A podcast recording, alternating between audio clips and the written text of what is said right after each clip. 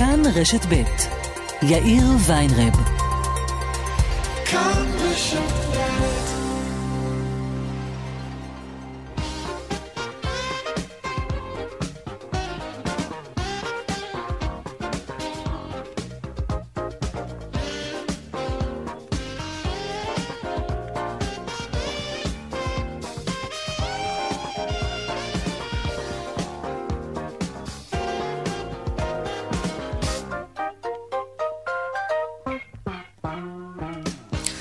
ארבע וכמעט שש דקות, כאן צבע הכסף ברשת ב', יום שלישי.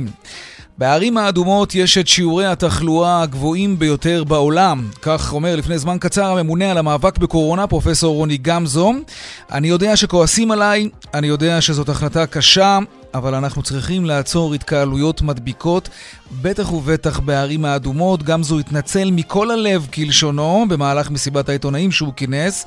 בפני התושבים, העסקים וראשי הערים, הקורונה מחייבת אותנו בצעדים לא נעימים, הוא אמר והוסיף כי ההחלטה לגבי החגים, חגי תשרי, תתקבל בזמן הקרוב. הוא קרא לאנשים ללכת להיבדק. עד נובמבר, הוא עדכן, יהיו כאן 100 אלף בדיקות ביום. כן. עוד מעט נהיה בשטח, נהיה בבני ברק עם הקולות משם, מהעיר האדומה הזו, שתיכנס בעוד שלוש שעות, יחד עם עוד 40 יישובים ושכונות לסגר לילי.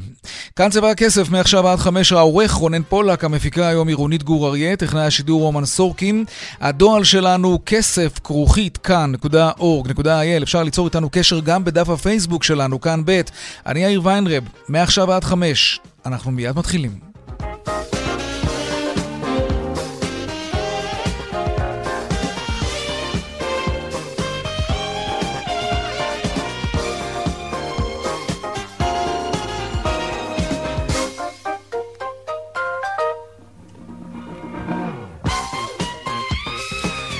אנחנו אה, ממשיכים עם כותרות צבע הכסף ליום שלישי, אז כאמור, בעוד כשלוש שעות יוטל סגר לילי על כ-40 יישובים ושכונות ברחבי הארץ, שהם מוגדרים אדומים. בצהריים אישרה ועדת השרים המיוחדת את הרשימה.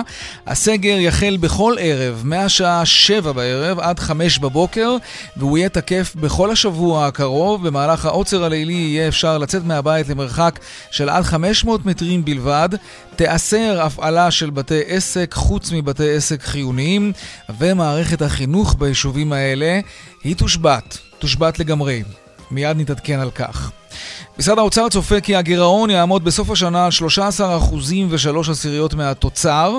מנכ"לית המשרד קרן טרנר אייל אמרה בוועדת הכלכלה של הכנסת כי ניכרת התאוששות במצב הכלכלי, זה מעודד, אבל יש חשש מהתוצאות של סגר כללי, אם יוטל כזה. הנה הדברים.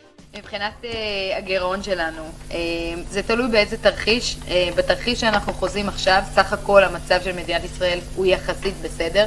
עדיין, זו לא תקופה קלה לאף אחד. אנחנו צופים שאת השנה נסיים בגירעון של 13.3 אחוזים. והחוב שלנו יהיה 75 אחוזים השנה. ככל שהמצב הבריאותי יחמיר, סגר, שמשפיע כמובן על הכלכלה בצורה משמעותית, המדדים האלה ישתנו, בשדה התעופה בדובאי נחתה היום משלחת הסחר הרשמית הראשונה מישראל, במשלחת גם ראשי הבנקים הגדולים, בנק הפועלים, בנק לאומי. הם אמורים להיפגש עם גורמים ממשלתיים וראשי הבנקים הגדולים באיחוד האמירויות כדי לדון איתם בשיתופי פעולה פיננסיים כמובן. ועוד בצבע הכסף, קנסות הקורונה מיד, uh, מדי יום מחולקים כאלף קנסות, רובם על אי עטיית מסכה.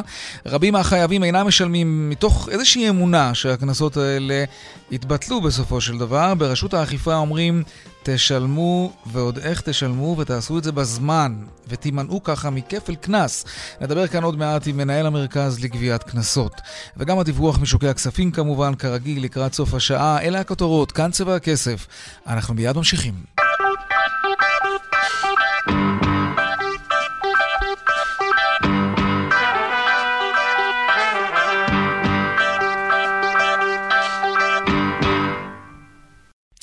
אז ועדת השרים המיוחדת אישרה כאמור בצהריים רשימה של יותר מ-40 יישובים ושכונות שהם מוגדרים אדומים ויוטל בהם החל מהיום בעוד כמה שעות אה, בכל השבוע הקרוב עוצר לילי מ-7 בערב ועד 5 לפנות בוקר.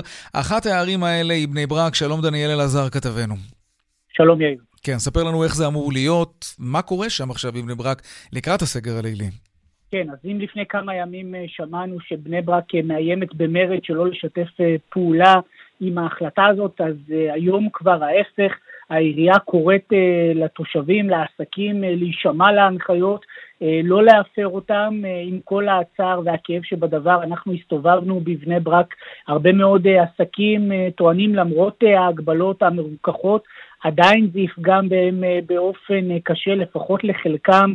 אה, מספר שבועות לפני חגי תשרי, בבני ברק, השעות האלו, דווקא השעות הערב המאוחרות, בתקופה שלפני החגים, אלה השעות שבדרך כלל האנשים יוצאים ורוכשים את מרכולתם ואת כל הדברים, וכרגע הם יצטרכו להתאים את עצמם למציאות החדשה. חלק מהעסקים שאנחנו פגשנו, אמנם בודדים, אבל עדיין צריך להגיד את זה, אומרים שלמרות שהם מודעים להנחיות, הם בכל זאת אה, מתכוונים אה, לפתוח ולעבוד אה, כרגיל, ככה שיהיה מעניין מאוד לראות את האכיפה גם של המשטרה וגם של הפיקוח העירוני בעניין הזה. המשטרה כבר הודיעה שבשלב ראשוני היא תפעל בנושא של הסברה ולא ישר תחלק דוחות וקנסות. אבל גם חלק מהציבור בבני ברק בכלל, גם נכון להיום, עדיין לא מודע לכל ההגבלות, למתי הם ייכנסו לתוקף. וצריך לראות אה, שלא יקרה מצב כמו בגל הקודם, שההנחיות אה, ירדו לשטח אה, הרבה מאוד זמן אחרי שהם התרחשו, וככה יצא שהרבה מאוד הפרו שלא במתכוון כי הם לא ידעו, אז בבני ברק מנסים למנוע את המצב הזה, ובמקביל מבחינתם הם רוצים להוציא את בני ברק מרשימת הערים האדומות. מחר תתקבל התשובות של אלפיים הבדיקות שנערכו אתמול לכל התושבים, גם לכאלה שהם בלי סימפטומים, ושם מקווים mm. שאחוז החיוביים יהיה נמוך. ואז זה יסייע לבני ברק לצאת מרשימת הערים האדומות. Mm, זה אומר אגב שאי אפשר גם בשעות האלה להיכנס בכלל לעיר? נכון, החל אה, משבע להיכנס, אה, כל מי שייכנס יצטרך כמובן, כמובן כן. לצאת כמובן רק לצרכים אה, חיוניים או לרכישת מזון או לשירותים רפואיים. מי שייכנס יצטרך כמובן להציג תעודה מזהה לשוטרים שיוצבו בכל מיני מחסומים שהתפרסו על פני העיר. לפי ההודעה של בני ברק, הם אומרים שיש להם אה, שיתוף פעולה מלא ופורה עם המשטרה, ושהם מקווים שהעיר לא תהיה בחנק כמו בגל הראשון, אז אפשר כן. אולי גם, אה, אולי להבין מההודעה הזאת, שנראה פחות מחסומים מהגל הראשון, אבל עדיין בטח כאלה שכן יוצבו ויבדקו כל בן אדם שיוצא ונכנס. אין יוצא ואין בא, מהשעה שבע בערב עד חמש לפנות בוקר, למעט מקרים חריגים כמובן. דניאל אלעזר, כתבנו במרכז, תודה רבה לך על העדכון הזה. תודה. אז כאמור, הממונה על המאבק בקורונה כינס לפני זמן קצר אה, תדרוך עיתונאים. בין היתר הוא התנצל בפני התושבים, אבל הקפיד ואמר כל הזמן, אין שום ברירה אחרת. תקלה אהרון שפרן, כתבתנו לענייני בריאות, שלום. שלום יאיר, זה באמת היה אה, תדרוך מאוד אה, מצד אחד אפולוגטי, מצד אחד כן. הרבה מאוד אני מבקש סליחה, אני מבין את הקושי, אבל מצד שני הבהרות חוזרות ונשנות שפשוט אין ברירה. פרופסור רוני גמזו אומר בתדרוך הזה, בערים האדומות יש שיעורי תחלואה מהגבוהים אה, בעולם כולו, 40 ערים ייכנסו לעוצר לילי החל מהשעה 7. אני יודע שמופעל עליי, אה, אה, שיש, שיש כלפיי הרבה מאוד כעס, הרבה מאוד תסכול, אני מבין את הקושי. בואו נשמע את הדברים. אני מתנצל התנצלות מלאה, מכל הלב, לכל הערים, לכל הערים שנמצאות כרגע בתהליך של מגבלה. אני מתנצל בפני התושבים, אני מתנצל בפני ראשי הערים, אני מתנצל בפני העסקים, אני מתנצל. הקורונה מחייבת אותנו לפעמים לצעדים לא נעימים. הכל כדי לשמור על הבריאות. ואני חייב לומר שזה הדבר היחידי שמנחה אותי. כן, אה, ויאיר, אנחנו אה, יכולים אולי להצביע על עוד שתי נקודות מרכזיות וחשובות מאוד בדברים הללו של אה, פרופסור גמזו. דבר ראשון, עניין הבדיקות, פרופסור גמזו מתייחס לכך שמערך אה, קטיעת שרשראות ההדבקה היא למעשה יעיל רק בחודש נובמבר. הוא אומר, ברגע שהוא יהיה מוכן ויעיל, הוא יהיה הטוב ביותר בעולם, אה, אבל כרגע אנחנו עובדים על זה, ופרופסור גמזו אומר, עד חודש נובמבר אנחנו נגיע ל-100 אלף בדיקות אה, ביום. זאת בשורה גדולה, דובר על כך לא פעם. והוא בעצם נוקב כעת בתאריך הזה. ועניין אחר, הוא מתייחס גם לחגי תשרי שהולכים ומתקרבים. הוא אומר אה, ששבוע לפני ראש השנה זה השלב שבו צריך לעצור ולראות את תמונת התחלואה ולתכנן איך אנחנו רואים את חגי תשרה.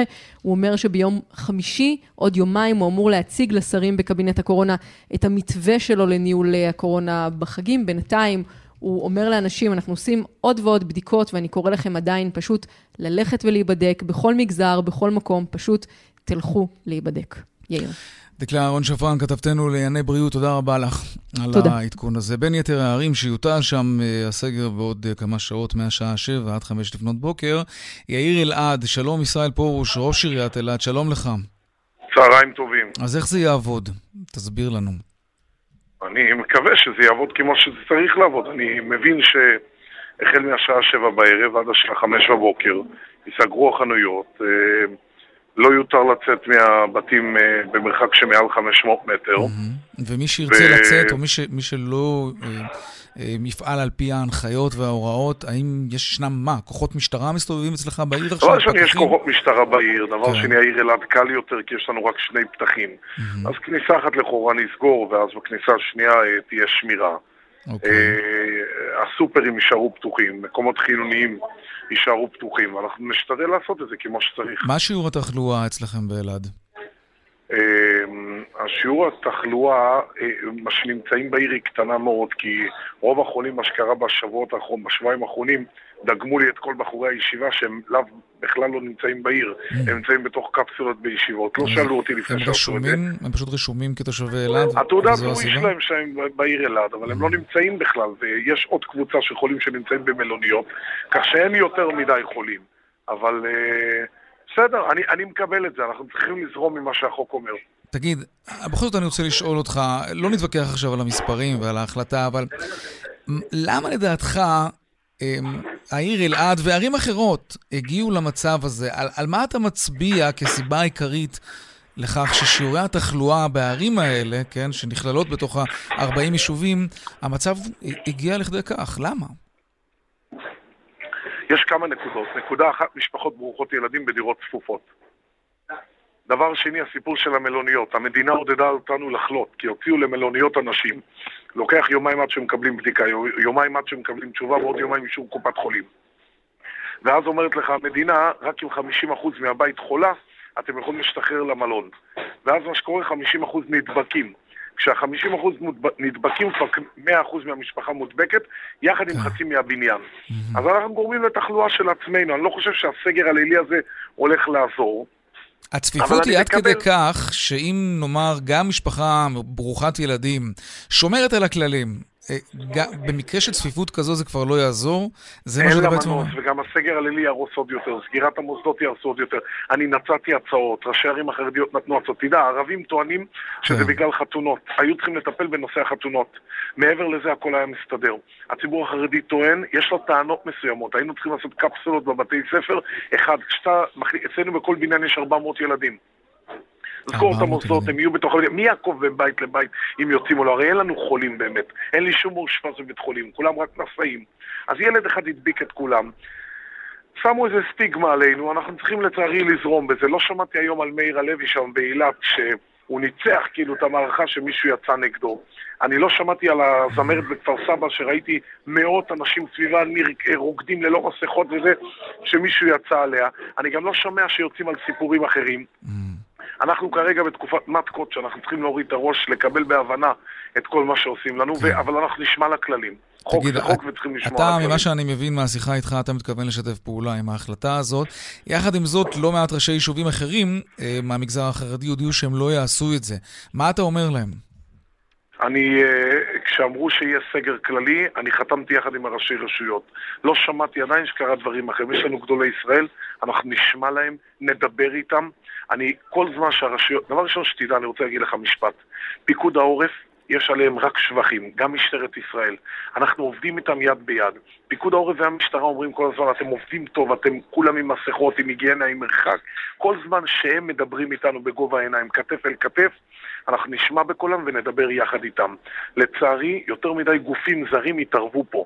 אתמול בלילה אמרתי גם לאלוף פיקוד העורף, וגם אמרתי את זה לשר גנץ. אמרתי לו, יש את פיקוד העורף, המדינה משקיעה בהם מיליארדים. הם באמת אנשים טובים. למה היו צריכים להביא פרויקטורים ומשרד הבריאות וכולם? יש את משטרה ואת פיקוד העורף, תנו להם להמשיך לעבוד עם הרשויות. אבל תמיד מחפשים את ההוא על ההוא על ההוא עם כל הפוליטיקה בפנים. כרגע אני לא נכנס לזה, אנחנו נמצאים בתוך מלחמה. יש פה מערכה, צריכים לעבור את המערכה הזאת, נשתדל לעבור את זה יחד ולצאת קדימה. ישראל פרוש, ראש עיריית העיר אלעד, אחת הערים האדומות שנכנסת עוד מעט לעוצר לילי. בעוד uh, פחות משלוש שעות, בשעה שבע. כמה זה נשמע טוב שהעיר אלעד, אחת מהערים האדומות, אבל אילת, הוא נלחם כמו שצריך והוא יצא החוצה. ואפילו לא שמעתי מילה אחת ביקורת על זה מהתקשורת. תודה רבה לכם. תודה גם לך, ישראל פרוש. כל... טוב, לעניין אה, הבא שלנו, המוסד לביטוח לאומי הוא הגוף שעליו הוגש המספר הרב ביותר של מכתבי תלונות בנושאים שנוגעים למשבר קורונה, כך עולה מדוח נציבות תלונות הציבור שהוגש לפני שעה קלה. שלום עמוד שפירא, כתבנו לענייני משפט. כן, שלום אה, יאיר. כן, מבקר המדינה מתניהו אנגלמן מבשם אה, כאמור לפני שעה קלה את הדוח הראשון שלו שעוסק במשבר הקורונה. הדוח הזה הוא בכובעו כנציב תלונות הציבור והוא עוסק בגל הראשון.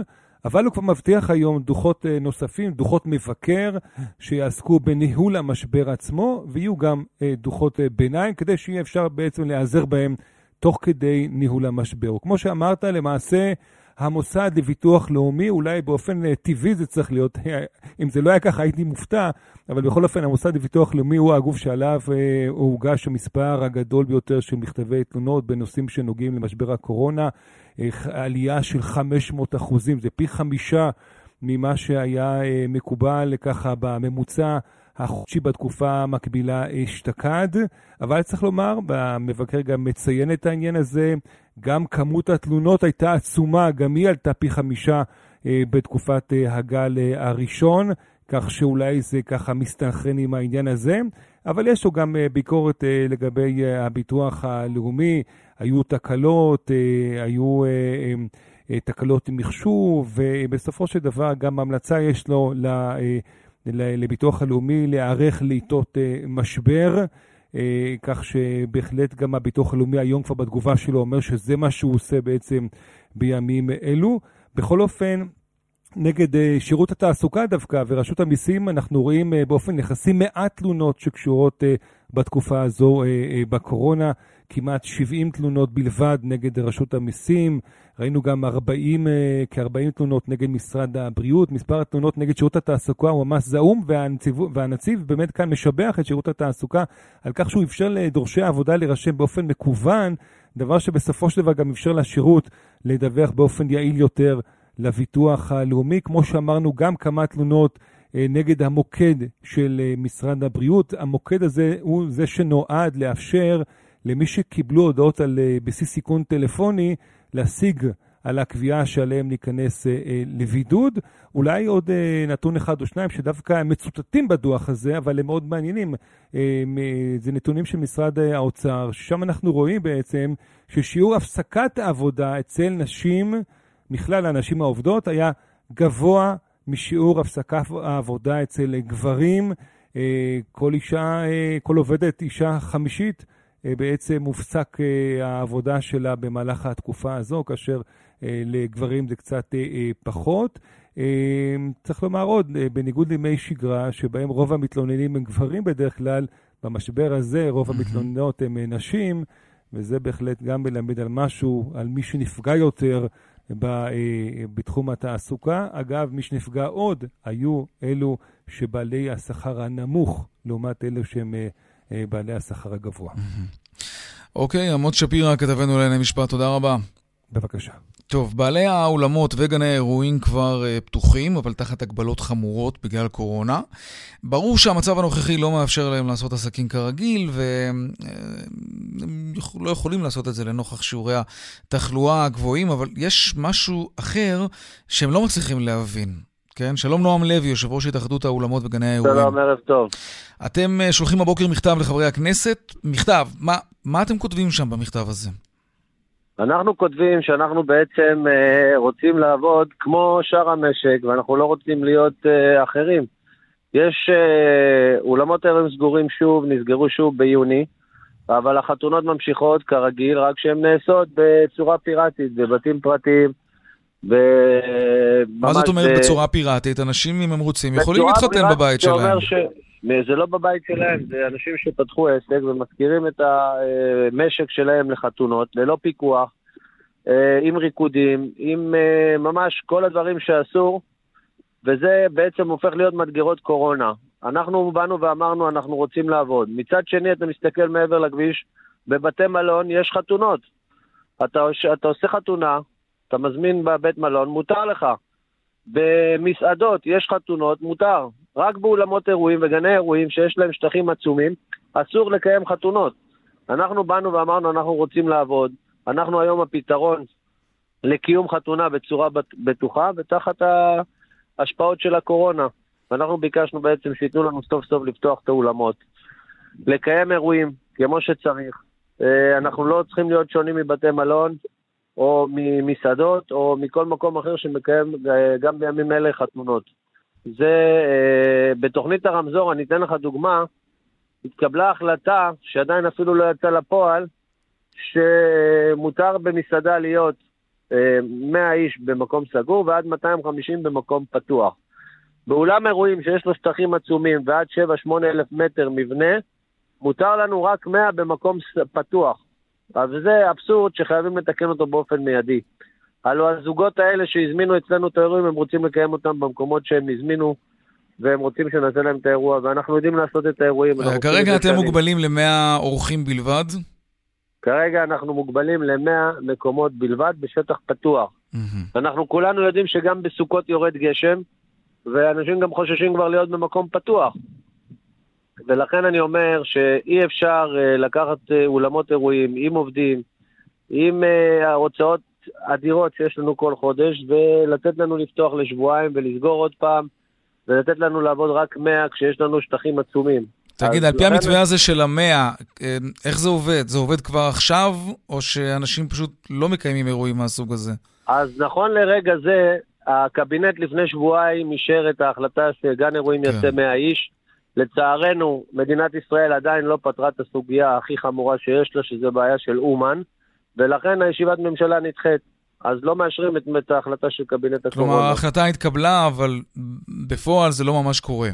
בפועל זה לא, היא, היא לא עברה החלטת ממשלה. אוקיי, okay, ואם זה יעבור את החלטת הממשלה, ואתם תוכלו לעשות, לקיים רק אירועים עם 100 איש, יש לזה בכלל היתכנות? כלומר, יכול להיות שזה לא כלכלי לכם, שים את זה רגע בצד, אבל... אין לזה, כן. אין לזה שום היתכנות, אבל לאור הבעיות ולאור הקשיים שיש לנו, ואנחנו uh, רוצים גם לרצות את הזוגות שיעשו אצלנו uh, את ההזמנות ולעשות כן. להם חתונה, כי הם באמת מסכנים מכל הסיטואציה הזו. אז אנחנו עושים את זה לא בגלל הצד הכלכלי, אלא בגלל הצד שאנחנו רוצים uh, כמה שיותר לנקות uh, דברים והתחייבויות. ולכן uh, זה יכול להיות uh, משהו לשבוע-שבועיים, אבל אנחנו מבקשים באופן מיידי להשוות אותנו למסעדה. תבין את האבסורד, שמסעדה קטנה, אולם אירועים ענק שהשקיע 40-50 מיליון שקל, מתחנן למדינת ישראל שתיתן לנו את מה שהיא נותנת למסעדה.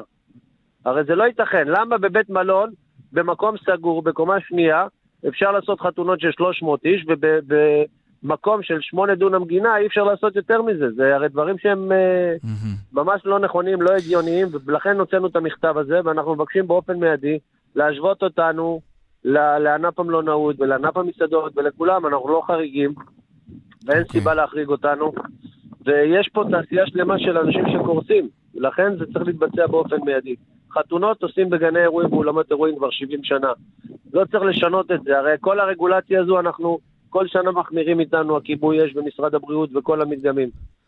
כולם יודעים שאנחנו המקום הכי נכון והכי בטוח לעשות בו את האירועים. גם מבין, הזוגות בחרו בנו אני מבין שישנם בעלי. אולמות וגני אירועים שמוציאים רישיון עסק של מסעדה. כדי, נכון. uh, כדי לאפשר להם בעצם לעבוד נכון, על פי הכללים. נכון, נכון, נכון, ואני אומר אתה לך... אתה יודע מה? זה, כתבתנו ורד פלמן עדכנה אותנו עכשיו בזה, אז, אז למה לא בעצם? אתה יודע מה? אם אומרים אולמות כן, מסעדות הפוך, אולמות לא, מסעדות כן. ועדת חקירה, נו. והוועדת חקירה הזו ומבקר המדינה, הנה תזכרו את התאריך הזה, הם יראו את העוול הגדול שעושים לאולמות האירועים וגני האירועים. לא ייתכן ש, שכל בעל אולם הולך לבקש, שיש לו תנאים, תשים לב, הכי מחמירים, הרבה יותר ממסעדה. להוציא רישיון לאולם אירועים זה הרבה יותר קשה מאשר להוציא רישיון למסעדה. אז אני שב ושואל... עולה ומוציא רישיון למסעדה בשביל נו. לעשות חתונה, זה לא אבסורד אוקיי, הרי. זה אבסורד לגמרי, אבל אתם צריכים איכשהו לחיות ממשהו. כמה בעלי אולמות, כן? כמה מהם עושים, עשו את זה כבר, ו- ושינו את תנאי רישיון העסק שלהם למסעדה? אנחנו מדברים למעלה מ-50% מהאולמות שהפכו למסעדה. מצוין. זה לא מצוין, זה עצוב שענף שלם הולך להימחק. זה גם עצוב, ש- אבל גם מצוין, כי זה מאפשר לכם בעצם לעבוד. אם אתה אומר זה מאפשר ש-50% לנו. מגני האירועים עשו את זה כבר, אז תשמע, תראה, אני מסכים איתך שזה מצב אבסורדי, אבל למה רק 50%? ש-100% מהאולמות יהפכו את רישיון כי העסק שלהם למסעדה, ובא גואל לציון. לציון גואל, כן. לצערי הרב, ההחלטות הן שונות בערים כאלה וערים אחרות. לפעמים אתה רוצה להוציא רישיון מסעדה במקום אחד ואתה נתקל בבירוקרטיה של חודשיים-שלושה, ולפעמים זה הולך מהר. אבל uh, צריך להסתכל על המציאות פשוט לא ולהגיד, יאומן. הרי, זה לא יאומן, אבל אנשים, אני אומר לך, הגיעו לפת לחם, כבר לא יכולים להתקיים, בסך הכל רוצים לעשות אירוע, מצידם לקרוא לזה מסעדה ולקרוא לזה כל דבר אחר, אבל זה לא נכון וזה לא בסדר שהשקיעו פה אוקיי. מיליונים. ועבדו לפי נועם. החוק שנים ושילמו הכל כחוק, ואנחנו מתחננים היום להפוך למסעדה כדי לקיים חתונה. נועם אז לוי. המדינה צריכה להתעורר, ואני מקווה שהם יתעוררו. שיהיה לנו שנה טובה. תודה, יושב ראש התאחדות האולמות וגני האירועים, נועם לוי, תודה תודה. רבה לך על השיחה הזאת. דיווחי תנועה עכשיו.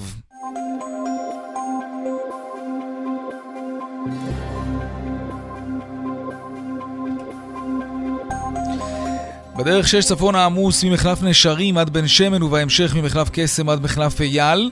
באיילון צפון העמוס ממחלף חולון וקיבוץ גלויות עד השלום ובהמשך ממחלף ההלכה עד גלילות. דרומה יש עומס ממחלף רוקח עד לגוארדיה. דיווחים נוספים בכאן מוקד התנועה כוכבי 9550 ובאתר שלנו אתר התאגיד אתר כאן. הפסקת פרסומות ומיד אנחנו חוזרים עם עוד צבע הכסף.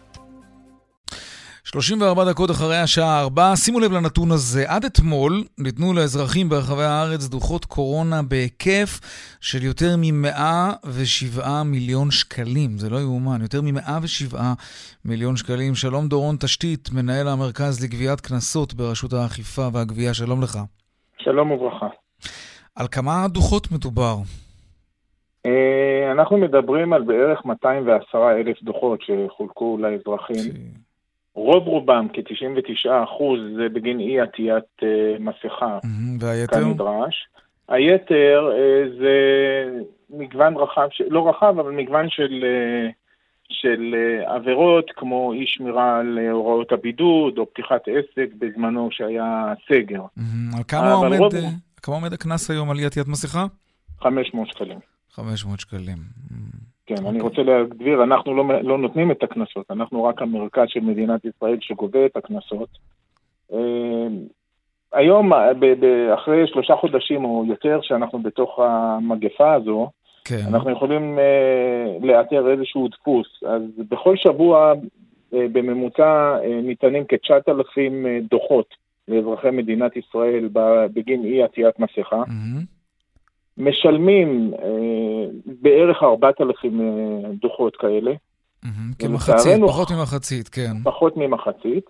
לצערנו 5,000 אנשים לא משלמים בתוך 90 יום כנדרש בחוק, ואז אה, החובות שלהם הופכים לחוב לפי הגדרתם. כן, יש כפל קנס. להם, יש, לא כפל, 50 אחוז מתווסף. אוקיי, ואם בממוצע- אז לא, אז שוב מוסיפים 50 אחוז? לא, בכל אה, שישה חודשים מוסיפים 5 אחוז. חמישה אה, אחוז. 50 אחוז ואז 5 אחוז בכל אוקיי. שישה חודשים. לגבי הכסף לאותם 5,000 שבכל שבוע עבר המועד הקובע לתשלום, מדובר בערך בסכום מצרפי של מיליון 250. מהמם. אה, לכאורה כסף, אבל אנחנו מאוד לא רוצים את הכסף הזה. אנחנו מאיטים בתושבי ברור. ישראל, לכו לשלם במועד, מכיוון ש... שימו מסכות, קודם כל. שימו מסכות, נכון, זה הכי טוב תגיד, גם לבריאות שלכם איפה- וגם לבריאות של איפה כולנו. מחלקים הכי הרבה דוחות, ואיפה משלמים הכי הרבה הגדולות. דוחות? אה, זה די, אה, אין לי בדיוק את הנתון הזה פה מול העיניים, אבל זה בערים הגדולות. ב- בערים אה, ירושלים, תל אביב, אה, באר שבע, Mhm. ירושלים, תל אביב וחיפה, זה האזורים. תגיד, יש דרך אז- לערער על הדוח הזה, או, או לבקש. ביטול, כי מבטיחים שלא יעשו את זה יותר, והם נשבעים וכולי? אז אה, ככה, קודם כל, ברשותך, שאלת, או לא שאלת, אבל למה, מדוע 5,000, שאלנו את עצמנו מדוע 5,000 אנשים לא, לא משלמים, בעוד שהנתונים בקנסות תעבורה שאנחנו גם מטפלים בהם הם כן. אחרים לגמרי, 80 אחוז משלמים. אוקיי. אנחנו אה, בדקנו את הנושא, ולמה שהגענו למסקנה, השמועות הלא מבוססות. שתהיה חנינה כללית, כן. שתהיה חנינה כללית ויבטלו את זה, גורמים לאנשים לתמוך ולדחות את התשלום הזה. אי אפשר, זה לא יקרה, כי אז יצטרכו להחזיר את הכסף לאלו שכן שילמו. לא רק זה, גם לא ידוע לי על שום מהלך כזה, כבר 40 אלף אנשים שילמו, אין, אין מהלך כזה. וקופת המדינה ריקה, הם לא יוותרו על זה הכסף אתה אמרת, הזה. אני לא חושב שקנסות האלה הם נועדו להשאיר את אה, זה, אלא מדובר באקט של אכיפה, באמת, כמו שאמרת, לחבוש, לחבוש אה, לעטות אה, מסכות זה החשוב ביותר, ולא. לא לשלם. תופעה נוספת שאנחנו נתקלים בה זה קטינים. קטינים בני 16 ו-17, לא צעירים יותר, אלא 16-17, שמחביאים את זה כי הם פוחדים מההורים, ואז אה. עובר המועד הקובע לתשלום, ו... ומגיע מכתב מאיתנו להורים, והם נחרדים לשמוע שהתווספו עוד כספים לחוב. איי, איי, איי. אז uh, גם הקטינים שיודיעו להורים שצריך לשלם את זה, ועוד פעם, הכי חשוב לעטות מסכות. רגע, אני לא זוכר אם ענית לגבי האפשרות לערער על קנס כזה. יש אפשרות כן. כזאת? אז ככה, הערעור הוא לא אצלנו, אלא אצל משטרת ישראל, כמו כן. כל קנס, זה בעצם, זה ברירת משפט, גם אפשר לבקש להישפט. מהמם. הקנסות האלה הם ברירת משפט. והערעורים אלינו- האלה יוצא משהו מזה? אה, כן, אנחנו כן רואים שמדי פעם מבוטלים, כן. אבל אני לא יכול להגיד שזה בסיטונאות. אני יכול לומר שאלינו פונים עשרות אלפי אנשים מדי, מדי חודש כדי לבטל את הפיגורים. ובעניין הזה יש לנו מנגנון, ואנחנו בהחלט באים לקראת האזרחים, מורידים את הפיגורים איפה שאפשר, לא בצורה סיטונאית, אבל בהחלט דנים לגופו של עניין. אה, עשרות אלפי אנשים הורדנו להם, בין היתר למשל זה, כמו שציינתי, קטינים שלא הודיעו להורים, אז אנחנו מבינים את המצב הזה ומשתדלים כן. לעזור. כל אדם שמקבל מאיתנו התראה על, אה, על חובת תשלום, מקבל גם איגרת בנוסף לזה, שמסבירה לו את אפשרויות הפנייה אלינו כדי אוקיי. לנסות לסייע. תגיד, מי העיר או היישוב המצטיינים בארץ מבחינת היקף הקנסות, הדוחות ש... מצטיינים לרעה. לא, דווקא לטובה, בוא נהיה חיוביים. לטובה, יש הרבה יישובים שאין בהם ולו גם אחד. באמת? אבל אה, אני לא יודע אם זה ערים אנשים כל גדולות, כך... יש כאלה? אה, זה לא נראה לי, לא, אבל אה, זה גם עניין של אכיפה. אני לא בטוח שבכל כפר יש עומד שוטר ובדיוק Mm. בודק מי שיוצא אוקיי. מהקיבוץ, מהחדר אוכל, אז לכן הם המצטיינים, אבל אוקיי, זה... והמצטיינים לרעה? הערים הגדולות. הערים הגדולות. טוב, זה אמרנו. כן. חשבתי שתנקוב בשמות. יש שיאנית באופן מובהק? זה משתנה משבוע לשבוע, אבל אתה יודע, אתה? לא יודע אם זה הביצה, אה, אין לי את הנתון הזה, אני מצטער. אוקיי. אבל זה היה פעם בירושלים, ופעם... ישנן ערים שזה, אבל גם יכול להיות ששם אה, מרוכזים מאמצי האכיפה יותר. אוקיי. דורון תשתית, אה, המרכז לגביית קנסות ברשות האכיפה והגבייה, תודה רבה לך. בריאות לכולם. הזאת. להתראות. טוב, אה, איך נערכת המשטרה להטיל את הסגר הלילי הזה ב-40 יישובים ושכונות? רועי ינובסקי, ראש תחום הפלילים שלנו, שלום. שלום, אחר צהריים טובים, כן. אנחנו מדברים כאן על מבצע משטרתי בהיקף גדול מאוד, כי אנחנו מדברים על 40 יישובים, חלק מהיישובים זה, זה שכונות בתוך ערים, אותם אזורים אדומים, אבל מדובר כאן באלפי שוטרים שיאכפו את התקנות של אזור מוגבל, סגר לילי, מהשעה 7 בערב ועד 5 בבוקר, האזור נכנס אה, לסגר. מה זה אומר? יש איסור ליציאה מהבית מעל, למרחק של מעל 500 מטרים, אלא לקניית מזון, להצטיידות אה, בתרופות, לתפילה, גם פעילות ספורט אה, מוגבלת למרחק של אה, 500 מטרים, כן אפשר לצאת למקום העבודה. אז כל התנאים האלו, שוטרים יצטרכו להיות בשטח ולאכוף אותם. איך הם יעשו את זה? גם בסיורים בתוך, ה... אה, בתוך אותו אזור, בתוך אותו יישוב, בעיקר כדי למנוע התקהלויות. המטרה העיקרית של הסגר הזה, בעיקר ביישובים ערביים, הוא למנוע את אותם חתונות ואירועים המוניים שאנחנו ראינו בשבועות ה- האחרונים, וגם יהיו מחסומים בכניסות וביציאות. צריך להגיד, לפי התקנות, זה מה ששמענו גם עכשיו מהתדרוך המשטרתי, אין איסור למי שלא גר באותו אזור, שלא גר ביישוב, לצאת ולהיכנס.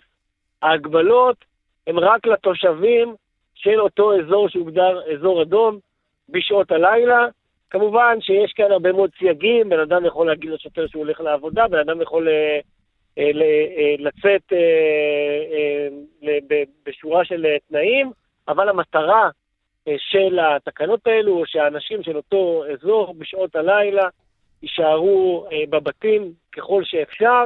אבל לא יהיו באותם אירועים אני רק חוזר על. מה שהדגשת והבהרת וחידדת. אנשים שלא גרים, נאמר, בבני ברק, כן יכולים להיכנס לשם בשעות העוצר? כן, חד משמעית. מי שלא גר יכול לצאת, להיכנס, ההגבלות לא חלות עליו. רגע, היה ונכנס, הוא יכול גם לבקר חבר ולהגיע אליו הביתה. חד משמעית, זה מה שאומרות התקנות, זה מה ששמענו גם עכשיו אה, מהשוטרים. אבל לעומת זאת, תושב בני האכיפה, זה מה ברק- שהשוטרים קיבלו בשטח. תושב בני ברק לא יכול לקפוץ לחבר בגבעתיים. הוא לא יכול. הוא לא יכול. בשעות אה, האלה. הוא בשעות האלה, על פי התקנות, יכול לצאת החוצה רק לתנאים שאני אה, צי- ציינתי אותם עכשיו. אוקיי. המיקוד של האכיפה יהיה בעיקר באזורים שעד עכשיו היו בהם חתונות, אם זה חצרות, מרחבים פרטיים, אזורים במקומות כאלה ואחרים שהיו בהם אותם אירועים. שאלנו את הקצינים, את אה, ישי שלם, ניצב ישי שלם, ניצב משנה, ישי שלם, ראש מחלקת מבצעים של המשטרה, עכשיו בתדור לכתבים, לגבי אותם אירועים המוניים, לגבי האכיפה בהם. שאלנו מדוע מתמקדים דווקא במארגני האירוע, באחד, שניים, אה, בחלק מה- מהחתונות לא מפזרים אותם, אלא האכיפה מתבטאת, אם היא מתבטאת, רק אה, בקנסות למארגני האירוע או באיזושהי חקירה שלהם, אה, ולא, ו, ואין אה, אין פיזור של האירוע, שיש, אין אכיפה גם נגד משתתפים בגין עטיית מסכות, בגין סירוב להתפזר, יש לא מעט סנקציות שאפשר להטיל. הוא אמר לנו כל מקרה לגופו, אנחנו מתמקדים בעיקר במארגנים, כי הם אלו שאחראים על האירוע, הם אלו שיש אכיפה פלילית. נגדם, גם פרקטית זה, זה אפשרי, אבל אין ספק שהמשטרה תצטרך לתת דגש בעניין הזה הרבה יותר ממה שהיה עד עכשיו, כי זה, לפחות במגזר הערבי, המקור העיקרי להדבקה היום. רועי ינובסקי, ראש תחום הפלילים שלנו, תודה רבה.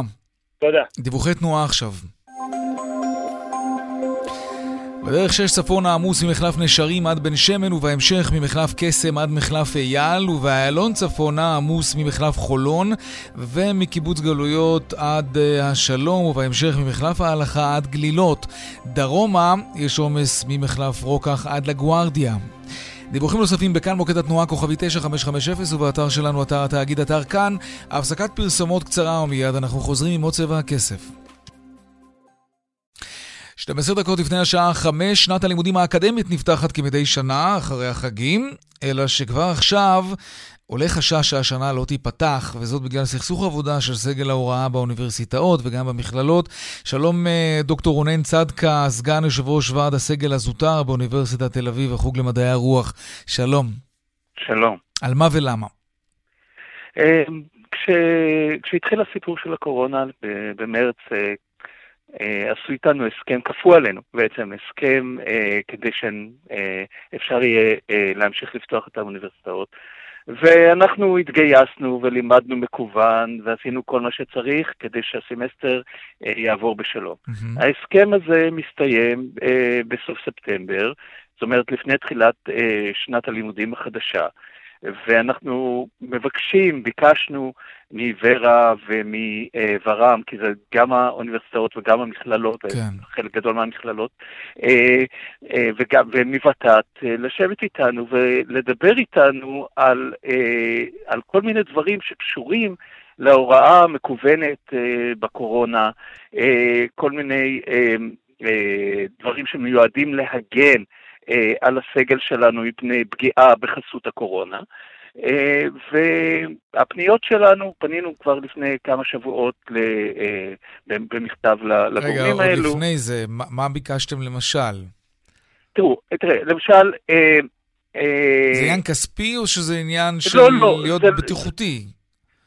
זה גם, גם, זה לא, לא כל כך עניין כספי, זה עניין של הגנה על הזכויות. למשל, כשאני אה, מצ, אה, מלמד בזום, ומקליטים את השיעורים שלי. כן. אה, אחרי זה יכולים להשתמש בזה אה, בזמנים אחרים, לא, לא לצורך הזה.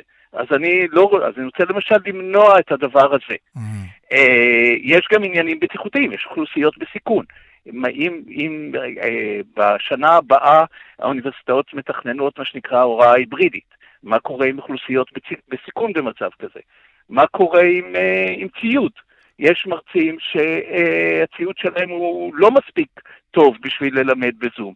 מי יכסה את העניין הזה? אוקיי. אה, מבקשים מאיתנו אה, לעשות אה, משימות שאנחנו לא עושים בשגרה. אה, למשל דורשים מאנשים לשמור בבחינות. שזה דבר שאנחנו לא אמורים לעשות. את כל מיני דברים okay. אוקיי. כאלה שקשורים בעניין הזה. בוא נדבר רגע קצת על סטודנטים. אה, שמענו לא מעט בחודשים האחרונים על אה, נשירה של סטודנטים בגלל המצב הכלכלי. אתם מכירים את זה באוניברסיטה? להפך, אה, ממה שאנחנו יודעים, מה שגם גם ות"ת אומרים, גם מל"ג אומרים וגם האוניברסיטאות אומרות, יש כן. עלייה במספרי סטודנטים. כן? לא, אתם לא מכירים נשירה של סטודנטים אני, יכול להיות, שעובדים יש, בעבודות סטודנטיאליות, שמטבע הדברים במשך חודשים יש, ארוכים uh, היו סגורים, כן. אוקיי, אז, אז, אז בואו נפריד בין סך הכל, סך הכל הסטודנטים שיש עלייה, לבין סטודנטים אה, אה, ספורים או... אה, יחידים, נקרא לזה ככה, הם לא ספורים בהכרח, שבאמת אה, נפגעים אה, מהעניין הזה, כי הם לא עובדים בעבודות, אה, כי הם עובדים בעבודות סטודנטיאליות ולא מצליחים ללמוד, ולהם אני יודע שהאוניברסיטאות נרתמות לעזרה, ואני חושב שזה ככה ראוי. אז אין לכם נתונים שמצביעים על נשירה בגלל המצב הכלכלי שנגזר אני... מהקורונה. הנתונים הם לא אצלנו, הם כבר הם אצל האוניברסיטאות, okay. אוקיי. אבל, אה, אבל אה, בסך הכל, שוב, מה שאני אומר, הנתונים שאנחנו יודעים עליהם, זה שבסך הכל יש עלייה במספרי הסטודנטים. Mm-hmm. כן. דוקטור רונן צדקה, סגן יושב ראש הסגל הזוטר באוניברסיטת תל אביב וחוג למדעי הרוח, אנחנו מקווים שהמשא ומתן שלכם יבשיל לכדי הסכמה, וששנת הלימודים מיד אחרי החגים תיפתח, כמובן. כן, אנחנו מקווים שזה מה שיהיה, כי בסך הכל אנחנו לא רוצים לפגוע בסמסטר, אנחנו פשוט רוצים שידברו איתנו ברור. על התנאים שלנו. תודה רבה לך. תודה. עכשיו לעדכון משוקי הכספים. 102 200, take them.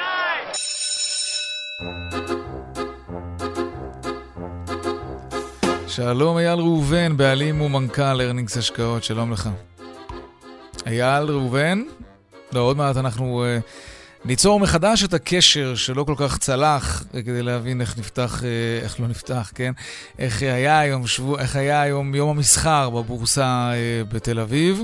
אייל ראובן, בעלים ומנכ"ל ארנינגס השקעות? לא. טוב, אנחנו מיד נעדכן בעצמנו, נשמע בינתיים את הנעימה. אייל ראובן, כן, שלום לך, הצלחנו בסוף. שלום, שלום, שלום יאיר. כן, איך היה יום המסחר? יום מסחר תנודתי שהתחיל עם פתיחה חיובית של כחצי אחוז במדדים המובילים אצלנו, אבל עם פרסום נתוני השיא בכמות הנדבקים, חשש ההולך וגומר מפני סגרים ומגבלות, וצפי לירידות שערים בארצות הברית, יש שם תיקון שאם יהיה זמן להתייחס אליו, הוביל אצלנו לירידות שערים די חדות, 1.7 בתל אביב 35, כמעט 2% בתל אביב 125, אירופה גם אה, שלילית, עם ירידות של 1.6 בדקס הגרמני והאירוסטוק 50 באחוז 9. ארצות הברית, אנחנו פותחים את יום המסחר בירידות אה, שערים די משמעותיות. אם מסתכלים רגע על הנסדק, אנחנו בפתיחת המסחר כבר במינוס של כמעט 3 אחוז. מניות הטכנולוגיה מניות הטכנולוגיה הגדולות שדחפו את המדדים לעליות, הן נמצאות כן. בימים האחרונים תחת לחץ מכירות, הן יורדות קצת יותר. אה, וזה תיקון שכרגע כן. נכנס לשווקים, שאלה כן. מה יהיה עומקו. התייחסות קצרה אוקיי. לדולר, עלה היום, בניגוד למגמה בשבועות האחרונים, ב-0.4 ל-339. אייל ראובן, תודה רבה לך על העדכון הזה. עד כאן צבע הכסף ליום שלישי, העורך רונן פולק בהפקה רונית גור אריה, טכנאי השידור רומן סורקין. הצוות בבאר שבע, אורית שולץ ושמעון דוקרקר, אהוד כהן וחגית אלחייני במוקד התנועה. הדואל שלנו כסף כרוכית כאן.org.il. מיד אחרינו שלי וגואטה, אני יאיר ויינריב, ניפגש כאן שוב מחר בארבעה אחר הצהריים. ערב טוב ושקט שיהיה לנו, שלום שלום.